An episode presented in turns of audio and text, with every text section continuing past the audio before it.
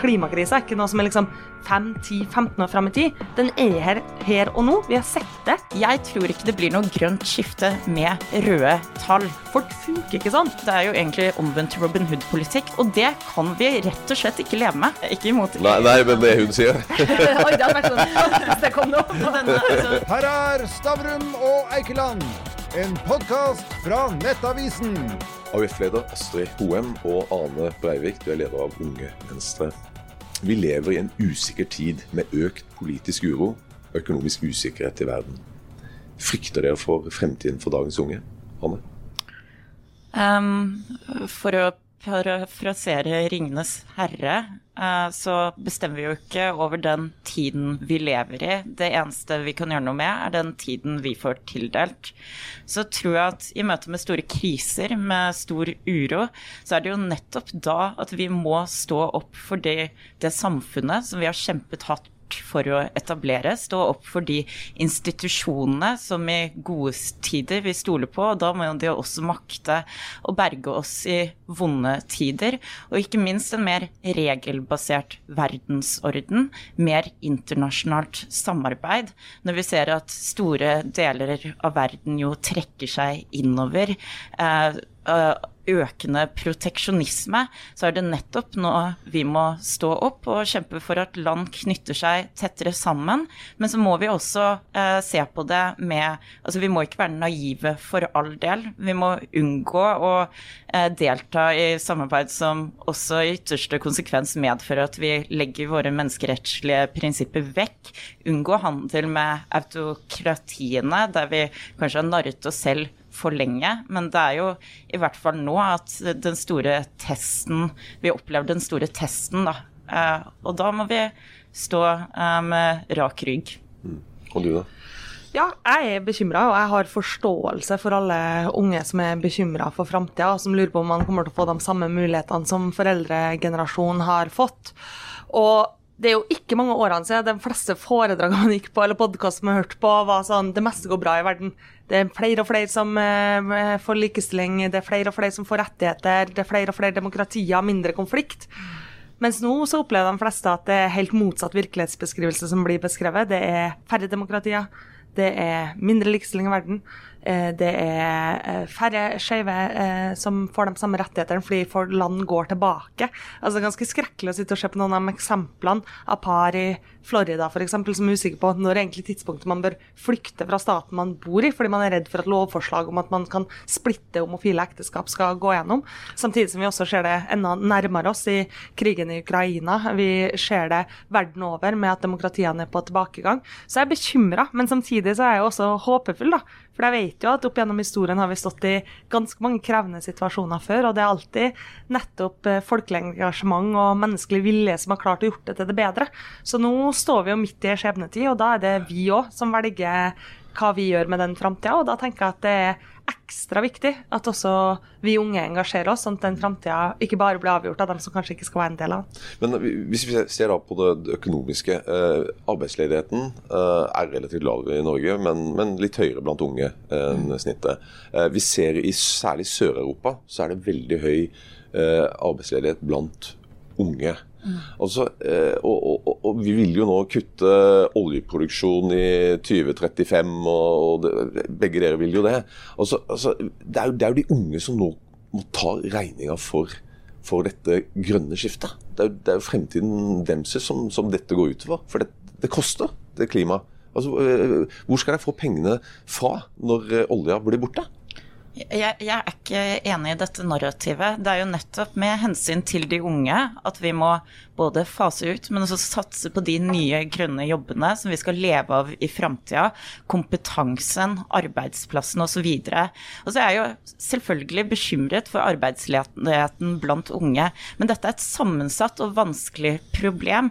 Det handler jo også altså Det vi vet helt klart, er at den største, den største indikatoren på at noen kommer til å falle utenfor arbeidslivet og være varig utenfor arbeidslivet. Og det å være i jobb, det er jo godt for den enkelte, det er godt for samfunnet rundt, og det er godt for oss eh, som nasjon. Men den største indikatoren på det er jo nettopp det at folk ikke fullfører videregående skole. Det er jo der vi må legge inn støtene tidlig i livet, og så må vi jobbe for et mer progressivt skattesystem. fordi det store problemet med skattesystemet i dag er jo nettopp at det meritterer de unge som har formue eller arv fra før av, men de unge som ikke har det, som ikke får bolig av foreldrene sine, de står utenfor boligmarkedet, som jo i seg selv er en ulikhetsdriver. De står utenfor, og de må bare banke på. Ja, okay, men hvordan vil du løse det, da? Også... Eh, det er både gjennom Altså, min, vi vil minske skatten på arbeid, slik at det i større grad lønner seg å stå i jobb.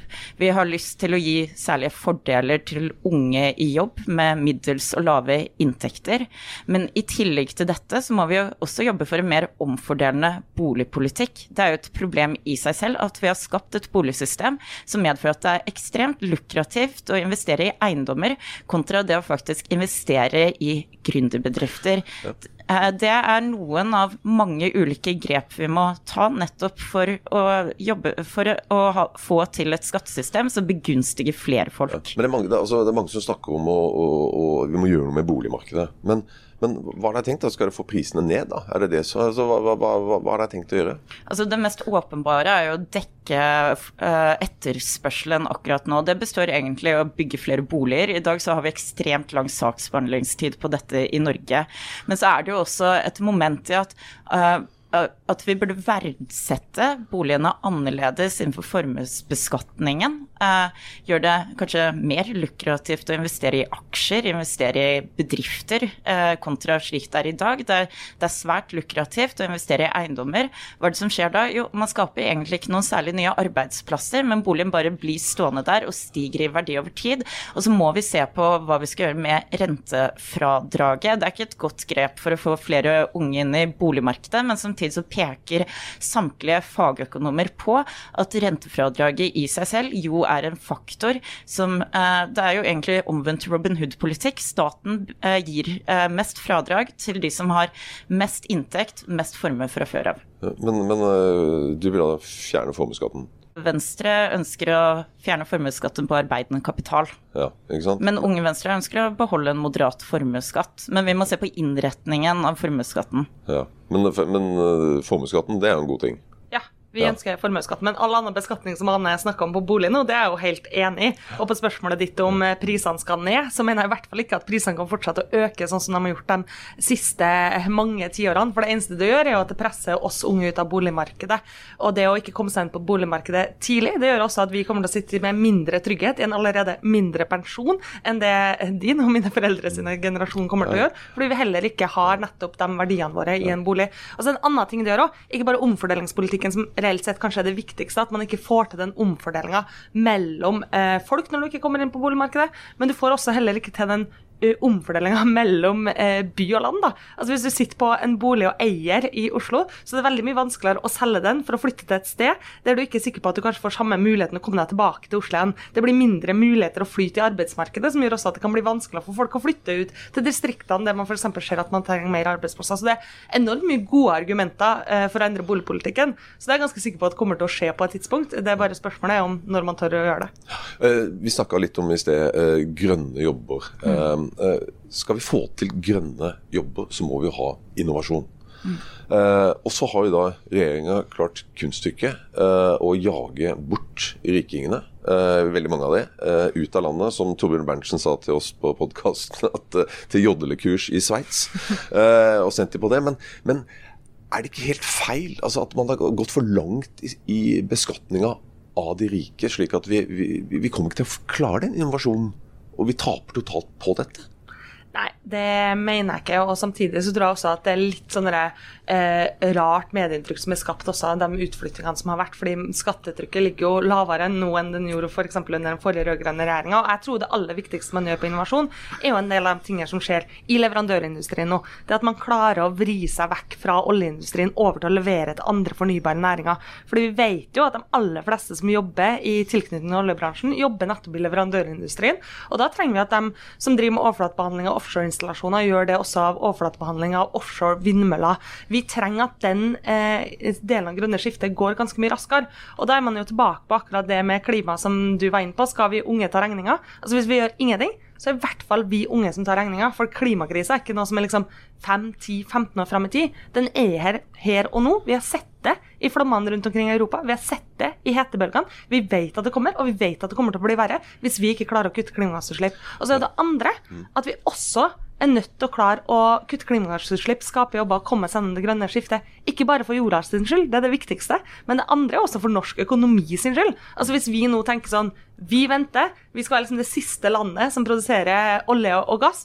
Det er vårt mål. Så kommer vi til å havne bakerst i den konkurransen. Og da står noen andre klare. Sverige eller Storbritannia eller jeg vet ikke. Men å levere på de løsningene som Norge kunne levert på, som kunne skaffa oss arbeidsplasser. Men, men, men, men, dere begge to er sånn at uh, altså dere utelukker enten så er det grønt eller så er det svart. Altså Poenget er at, at kan man ikke kjøre begge deler? Altså hvorfor, hvorfor, må vi være det første landet som kutter olje og gass?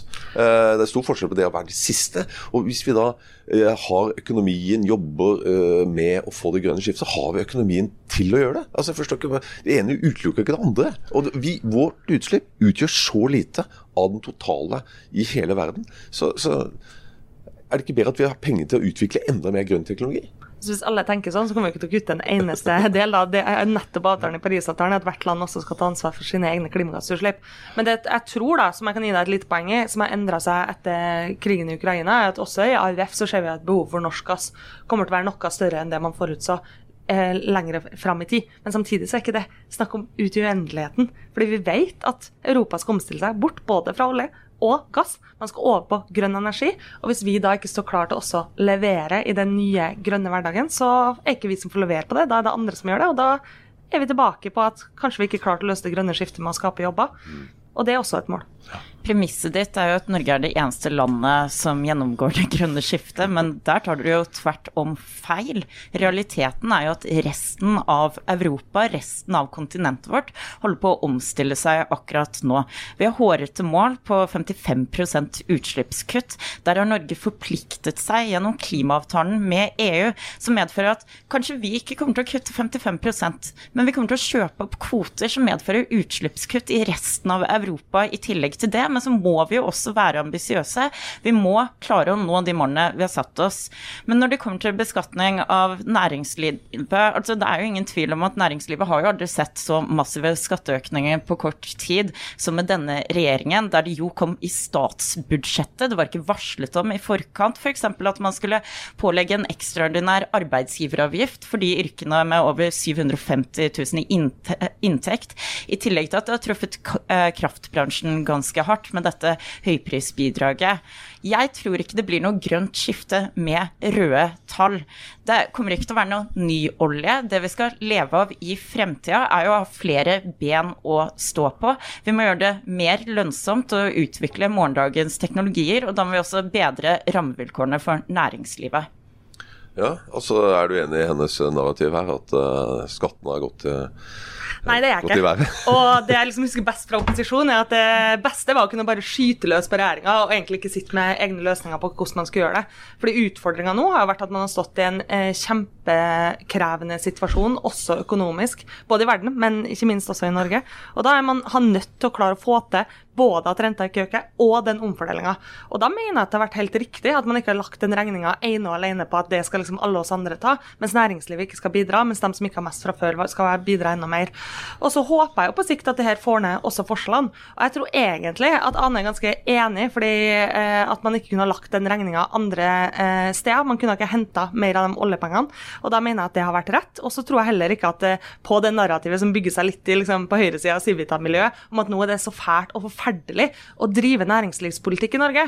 Altså Når jeg er hjemme i Kristiansund, så er det jo helt motsatt. Folk sier jo sånn Det er veldig bra å drive næringslivspolitikk i Norge. Det vi trenger, det er arbeidskraft. Vi har ikke nok folk som ønsker å jobbe i bedriftene. fordi etterspørselen er så sinnssykt høy. Det er helt gullalder å levere noe i norsk leverandørindustri, f.eks. Og hvis man ser til andre land og snakker om stabilitet, så vet vi jo at Norge er et av de mest stabile landene å drive næringsvirksomhet i. Så man kan godt svartmale og lage det bildet av at det er så forferdelig å drive næringslivsvirksomhet i Norge. Det mener jeg er feil. Og det mener jeg heller ikke er eh, godt eh, rykte å sette ut på vegne av hele nasjonen, egentlig. Ja, men, det men uh, nå skal vi sette strek med klimaet her, men, Men, men, men grunnen til at dere har måttet ty til så massive skatteøkninger, det er jo fordi dere ikke er villige til å kutte. Dere bruker milliarder på å gå rundt og splitte opp kommuner og fylkeskommuner på å reversere helt nødvendige reformer. Det er jo fordi dere ikke evner å være edruelige i utgiftene. Og jeg synes jo særlig at det er ganske bekymringsfullt når vi ser på vår generasjon, når vi ser på den fremtiden vi har i møte. Der vi vet at vi sannsynligvis blir pensjonstapere. Vi vet at uh, vi sannsynligvis vil måtte jobbe ganske, ganske lenge, og fondet det tømmes etter sigende. Men dere er jo ikke villige til å stramme inn skrua heller. Dere tar det utover næringslivet, men det kommer jo også til å gå på bekostning av vår generasjon. Ja, altså Vi kunne jo gjort sånn som Venstre var med på å gjøre når de styrte. Vi kunne fortsatt med flate AB-kutt i hele offentlig sektor. Det mener jeg er helt feil medisin. For det første så syns jeg mange av dem som jobber i helsevesenet springer nok allerede fra før. Eller vi kunne sagt at vi ikke skulle kompensere for de bortfallene av penger man får når prisene øker, rentene øker, også i det offentlige. Det hadde gjort at mange kommuner hadde måttet sette seg til nødt til å kutte stillinger. Jeg mener det er feil medisin. Men nå er vi tilbake på det som er alltid en ideologiske forskjell mellom venstresida og høyresida. Hver eneste gang, enten det går bra eller dårlig, så hører jeg sitt svar at man ønsker å kutte, kutte, kutte, også i den offentlige velferden. Det er jeg uenig i, og det kommer ikke vi til å øh, gjøre. og Derfor er jeg også stolt av den regjeringa. Leverer nettopp på det. At man fjerner de ABE-kuttene. At man sørger for at man har den økonomien man trenger ut øh, i norske kommuner til å levere det velferdstilbudet. Og det er det aller viktigste man skal levere på. Men, men, men deres svar er jo at staten vokser seg såpass stor at det kommer på bekostning av den økonomiske veksten vår. Altså alt, akkurat nå så har Norge Norge er det landet i OECD der staten utgjør størst andel av økonomien. Det skal vi se med dypt alvor på. Jeg er tilhenger av å effektivisere og avbyråkratisere offentlig sektor nettopp på dette grunnlaget. Men dessverre så har Arbeiderpartiet og Senterpartiet stilt seg i bakbeina på det. Arbeiderpartiet har vært veldig glad for ABE-kuttene da dere satt i opposisjon. Dere inntok det i samtlige av de alternative statsbudsjettene deres. Men når dere sitter med makta, så er dere ikke villige til å gå inn for helt nødvendige reformer for det norske samfunnet. Og det syns jeg også er veldig synd, med tanke på hvordan sosialdemokratiet nettopp er bygget på denne pragmatiske, reformdrevde synet på politikken. Men bare, bare for å øh, belyse offentlig sektor. Eh, altså Det er over 800 000 personer som jobber i offentlig sektor i dag. Eh, det er ca. 30% av arbeidsstokken. Snittet i OECD er rundt 20. Eh, har den offentlige sektoren blitt for stor og byråkratisk? Altså, kan det fortsette dette? Altså jeg mener at Det viktigste vi skal gjøre, er å opprettholde også et godt velferdstilbud til alle. Og Når Ane nå liksom skal inn og eh, forklare meg sosialdemokrati, så mener jeg nettopp at det viktigste målet for sosialdemokrati alltid har vært at vi skal bygge en velferdsstat der alle har trygghet til å leve livene sine. Og Da kunne man liksom sagt sånn, satt Gerhardsen og gjengen og spurt seg om de hadde råd til framtidas velferdsstat rett etter krigen. Nei, jeg tenk, tror de satt ned og tenkte sånn, hvordan skal vi bygge den? Hvordan skal vi få råd til den? Jeg tror ikke de satt og diskuterte om de skulle ha ABE-kutt, som skulle kutte flatt over til alle eh, instanser. Jeg tror de diskuterte hvordan vi skal sørge for at folk får de samme mulighetene. Og nettopp nå når vi står i krisetid også, så må man tørre å ta de modige valgene som gjør at man leverer nettopp på den tryggheten til folk. Og da mener jeg også at man kan gå enda lenger enn det regjeringa gjør. Vi mener, mener at man skal øke både eh, Sørge for at trygdene øker, sørge for at eh, man får sitter med mer igjen i slutten av måneden. Sørge for at man får til mer omfordeling nettopp med å innføre arveavgift, eller sørge for at boligbeskatninga blir høyere. Og Det kan man gjøre på to måter. Man kan sørge for at man bygger ut velferdsstaten. Det gjør man nå gjennom bl.a. gratis SFO, gratis barnehage. Det kunne vi kutta sikkert, sånn at det så penere ut på eh, tallene til Unge Venstre. Men da er jeg uenig i det politisk, for jeg mener at det er store velferdsgrep som er viktig for veldig mange mennesker i Ja, Norge. men, men ikke sant, Nav de utbetalte i 2022 535 milliarder eh, kroner. 711 000 personer i alderen 18 til 66 får sine, altså til livsoppholdet får pengene fra Nav. Um, ja, det var 2,8 millioner mennesker som, som, som fikk ytelser fra Nav. Altså, eh, hvor lenge kan dette fortsette? Det, det, det koster jo flesk. Og så skal de kutte olje- og gassproduksjon i ja, 2035. Altså, det henger jo ikke på. Altså, hvordan skal vi ha råd til dette? Altså, det jeg er stoltest av at vi innfører, er nettopp en ungdomsgaranti som sørger for at unge under 30 skal ha rett på jobb, utdanning eller tiltak. Det sørger for at man får veldig mange av de unge som nå står utenfor arbeidslivet, inn igjen. For det er bekymringsverdig om man som ung står altfor lenge utenfor arbeidslivet. Det er bekymringsverdig om man står kort utenfor arbeidslivet, fordi nettopp de hullene i CV-en gjør kanskje at det blir vanskeligere å komme seg inn igjen. Samtidig så syns jeg ofte at den debatten rundt folk som mottar trygd i Norge, er nesten som at hvis vi bare kutter nok, så blir de friskere. Hvis vi bare sørger for at de ikke får feriepenger på dagpengene sine, eller hvis vi bare sørger for at de eh, ikke får eh, akkurat det samme som de gjør i dag, eller om de får litt dårligere råd, så blir de friskere. Det er samme måte man tenker på at Hvis man bare eh, innfører karensdager når man er syk, så blir man friskere. Folk funker ikke sånn. Og det er et veldig mekanisk måte å se på samfunnet på. Jeg tror nettopp på det at hvis man gir mer tillit til de folka som har ansvaret for mennesker i Nav-systemet som kjenner de brukerne best, så kan det også være med på å gjøre at det blir lettere for folk å komme ut i jobb. Jeg tror på det at når folk har økonomisk trygghet i hverdagen sin, fordi vi vet at når folk har utrygghet i økonomien sin, så tenker man ekstremt mye på det. Når man opplever at man kanskje må planlegge måltid kutte ned på sine egne måltider, ta nok penger til sine egne unger, eller når man opplever at man ikke vet om man får til en sommerferie for ungene sine, eller når man er redd for om eh, det strekker til til husleia, da tar det også ekstremt mye tankevirksomhet, bekymringer, og det er ikke akkurat det som gjør deg frisk igjen. Så den debatten den syns jeg ofte er eh, krevende, fordi man snakker om helt reelle mennesker som har det vanskelig med å få økonomien sin til å gå opp, og da tenker jeg, er svaret sånn vi skal kutte dem, eller er svaret at vi vi skal sørge for at de kommer inn i jobb, sørge for at de har en trygghet i økonomien og livene sine, sørge for at de har de samme mulighetene som andre. Anne, du vil jo kutte.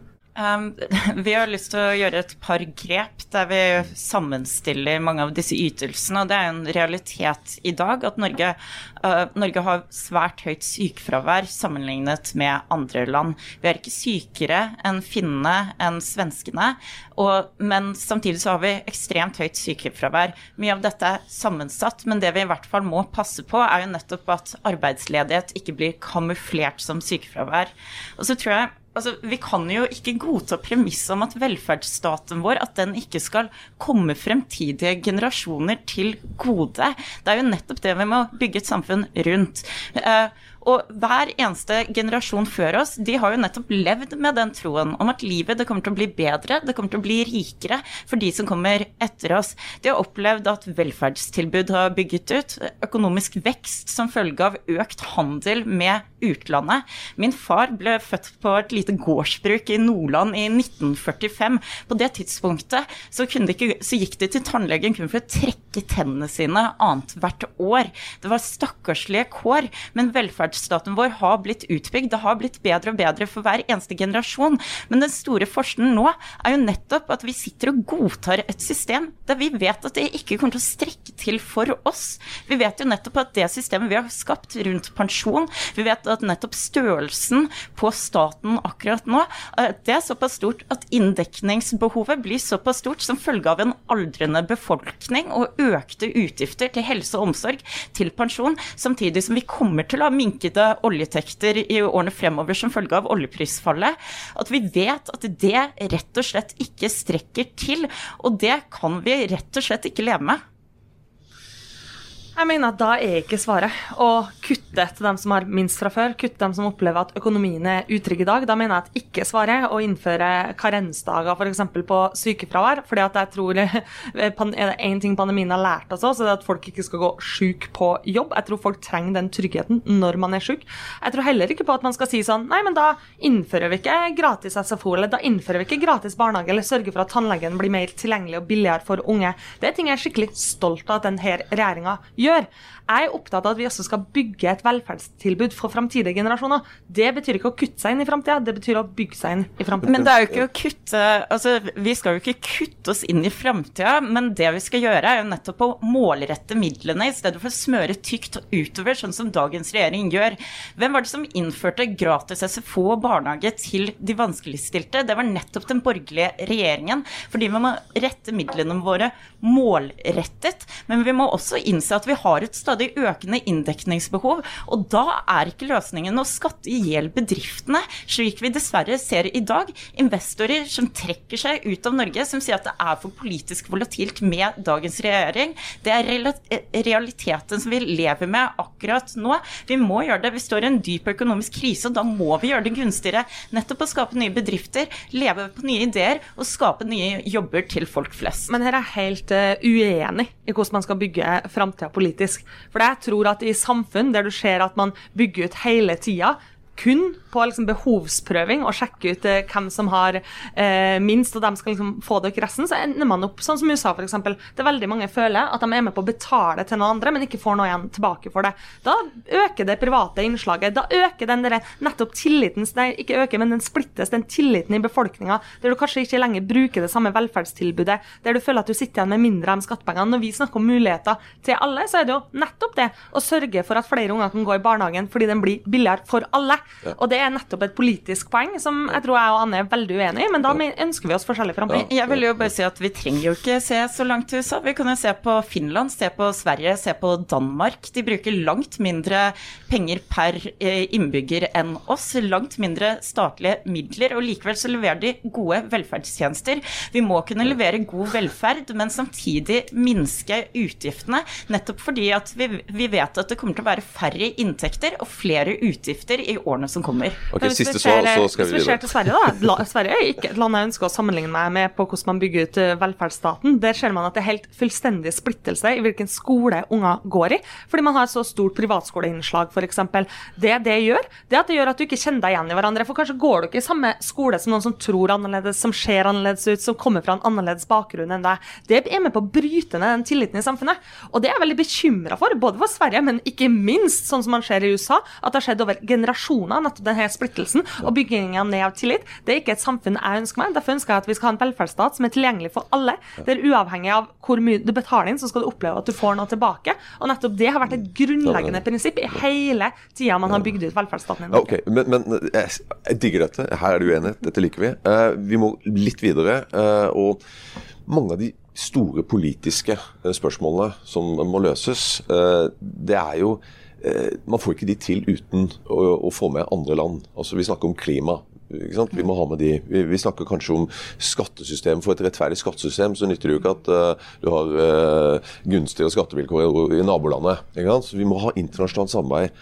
Og da spør jeg Astrid, hvorfor er dere så mot EU-medlemskap? Er ikke det perfekt til å få til disse, uh, ja, disse challenges vi har? Så er jeg enig i at EU funker på en del ting. Jeg mener at de leverer på klima. Jeg mener at det at å gå sammen i EU og stramme inn overfor teknologigigantene og de store sosiale medieselskapene er riktig. Samtidig så ønsker ikke jeg at Norge skal bli en del av EU. Og det handler i stor grad om arbeidslivspolitikken, f.eks.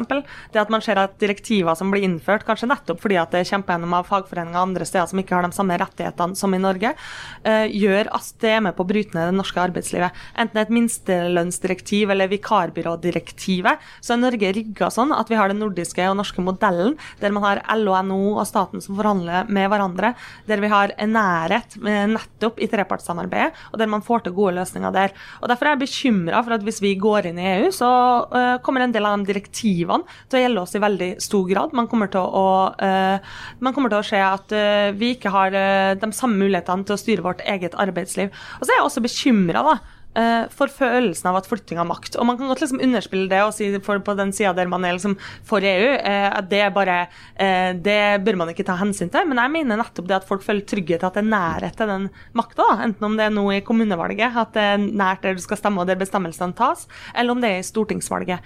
Men så må jeg også legge til at selv om AUF er motstander av norsk EU-medlemskap, så ønsker vi også å være en del av EØS-avtalen. Vi ønsker jo mye internasjonalt samarbeid på mange arenaer, og det kommer vi til å fortsette å kjempe for. Men, men da gir du bort bestemmelser medbestemmelsesretten. Altså jeg mener ikke det. men Norge bør tørre å bruke vetoretten mer. Jeg mener vi burde ha brukt eh, vetoretten opptil flere ganger. Eh, det har vi ikke gjort, men det håper jeg at vi kan være tøffere på å gjøre. Men du er jo totalt imot dette, Anne. Eh, ikke imot Nei, nei, men det hun sier. Oi, det hadde vært sånn det kom nå. denne, altså, denne, jeg hører jo ofte nei-siden snakke om denne såkalte vetoretten, men det er jo en illusjon. Altså, grunnen til at vi ikke har benyttet oss av eh, dette, er jo nettopp fordi det kan sette store deler av EØS-avtalen i spill. Og vi vet at markedsadgang er utrolig viktig nettopp for næringslivet, men det er også viktig for innbyggerne å ha de frihetene og rettighetene som deltakelsen i EØS-samarbeidet har gitt oss. Og når jeg, altså, når jeg ser på Europa, når jeg ser på Norge, så er det jo, og på det store kartet, så er det jo en refleksjon at Norge er et veldig, veldig lite land i en veldig stor uh, verden som preges av kaos og uro. Men sammen med de andre europeiske landene så er vi store. Da utgjør vi en faktisk maktblokk opp mot teknologiselskapene opp mot autokratiene, opp mot Russland, opp mot Kina. Og jeg tror det er nettopp i så eh, kaotiske tider som dette at eh, vi må stå sammen med de landene som vi deler verdier med, og det er demokratiene i Europa. Men altså, har hun ikke et poeng? Altså, det, det Vi har nå sett med krigen i Ukraina og sånt, at, at EU har stått samlet og øh, vist at, hva, hva de duger til. Altså, er du ikke enig i det? Jeg er også glad for at EU har stått samla. Man kan være EU-motstander og likevel være tilhenger av at hele Europa har vært såpass tydelig i sin fordømmelse av Russland. Men jeg mener jo at våre sikkerhetsgarantier først og fremst ligger i Nato-samarbeidet, og det er jeg glad for at Norge er en del av. Og så ser jeg fortsatt store problemer med å skulle eh, gå inn i EU. Og når de problemene er fortsatt så store, og EØS-avtalen har kjent oss såpass godt, så mener jeg at vi skal være en del av EØS, ikke EU. Og jeg mener også at vi skal tørre å bruke vetoretten mer. Og vi har jo ikke brukt den. Så jeg tror verken jeg eller Ane kan sitte og si at vi vet hva som har kommet til å skje når vi bruker den, men jeg mener også at det er en tydelighet vi kan bruke når vi ser at det kommer direktiver som er, gjør det vanskeligere for norske arbeidsfolk. Uh, selv om AUF sitter her og argumenterer mot norsk EU-medlemskap, så skal jeg gi litt velfortjent skryt. Og det er at det er nettopp Arbeiderpartiet som ved to anledninger har tatt på seg ansvaret og belastningen for de to forsøkene på norsk eh, medlemskap i det europeiske fellesskap og i Den europeiske union. Det er det Arbeiderpartiet som har gjort. Og jeg tror akkurat nå det er veldig mange som snakker om en ny EU-debatt. Jeg ser ikke helt den komme, fordi EU har forandret seg de siste 20 årene uten å aktualisere polarisere den nye EU-debatten. Men det vi trenger akkurat nå, er nettopp at noen står i bresjen for et nytt politisk initiativ om å søke medlemskap i EU, og det håper jeg en borgerlig regjering kan gjøre i 2025. Men hun har jo et poeng. altså Gro Harlem Brundtland, landsmoderen, eh, og Jens Stoltenberg, som har vært en av de ja, altså Begge de to var super for EU. Også. Jeg tror ikke han var så fornøyd med AUF på det tidspunktet, heller, som tok den kampen mot, men det er jo en del Da var det Giske som faktisk kjørte den mot. Ja, og hele AUF, hele laget. Ja, ja. Men ok, greit. Uh, her er det uenighet, og det liker vi. Uh, skole. Dere klarte å, å, å trumfe gjennom uh, å fjerne dette firerkravet på, på lærerne i matte. Altså, skal vi ikke ha kompetente nok lærere til å undervise kidsa våre? Altså det premisset er jeg ikke helt enig i. da, for Det som eh, skjedde når man innførte firerkravet, var jo at man har jo fortsatt lærermangel i Norge. Og veldig mange steder så sliter man med å få tak i nok lærere.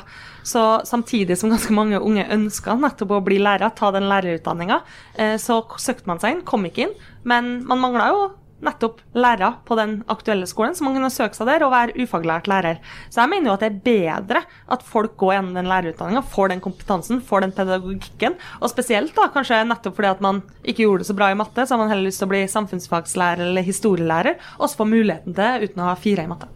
Mm. Jeg tror ikke løsningen er å lempe på kravene. Og grunnen til at eh, regjeringen, den borgerlige regjeringen tilbake i sin tid nettopp innførte kravet eh, i matte, at man skulle ha fire i p-matte, var jo nettopp fordi det man så, var at det var svært mange på lærerutdanningen som falt fra akkurat da man kom til mattedelen. Det var derfor dette ble innført i utgangspunktet. Nettopp for, og, nettopp for at færre skulle falle ifra i løpet av utdanningen. Og nå når vi ser på skolesystemet, så må vi spørre oss selv hvordan kan vi skape en mer motiverende skolehverdag som medfører at flere unge fullfører videregående opplæring, at flere går ut av grunnskolen med grunnleggende lese- og skriveferdigheter. Jeg tror mye av dette nettopp ligger i å ha kompetente, gode, faglærte lærere. Ja, men, men, det har jo fjerna den der eh, fraværsgrensa. Altså, er ikke, er ikke, går ikke det utover de, de, som egentlig trenger det mest? De, de har ikke fjernet Vi skal fjerne Ja, det skal fjerne. Ja, ja, men jeg vet at det De har ikke fjernet det. De har gått inn for å lage et nytt fraværsreglement, og jeg er spent på å se hvordan det blir seende ut. Altså. Altså det som er helt sikkert, er at vi skal fjerne dagens fraværsgrense. Den er borgerlig innført, som jeg mener er med på å presse elever ut av skolen. Som sørger for at de som kanskje har 9,9 i fravær i et fag, eh, får fortsette, mens de som har 10,1 eh, mm, stryker i det faget. Og hvis man gjør det i én eller to fag, så opplever man kanskje at man ikke eh, har den klarer å stå ut det løpet. Jeg mener at det er helt andre ting i skolen enn fraværsgrensa som skal sørge for at elevene føler den tryggheten og oppfølginga. Og det ser man jo f.eks. på enkelte skoler som sier sånn Vi har god erfaring vi, med å følge opp elever som sliter med fraværet, men det gjør vi ikke med den pisken som fraværsgrensa gir. Vi gjør det gjennom helt andre, eh, andre ting, gjennom å ha tettere oppfølging, gjennom å kjenne elevene våre godt. Og da mener jeg at fraværsgrensa det har vært, eh, det har vært eh, noe som har vært på tide å fjerne Men lærerorganisasjonene de, de snakker jo varmt om, om denne fraværsgrensa, at den har vært bra.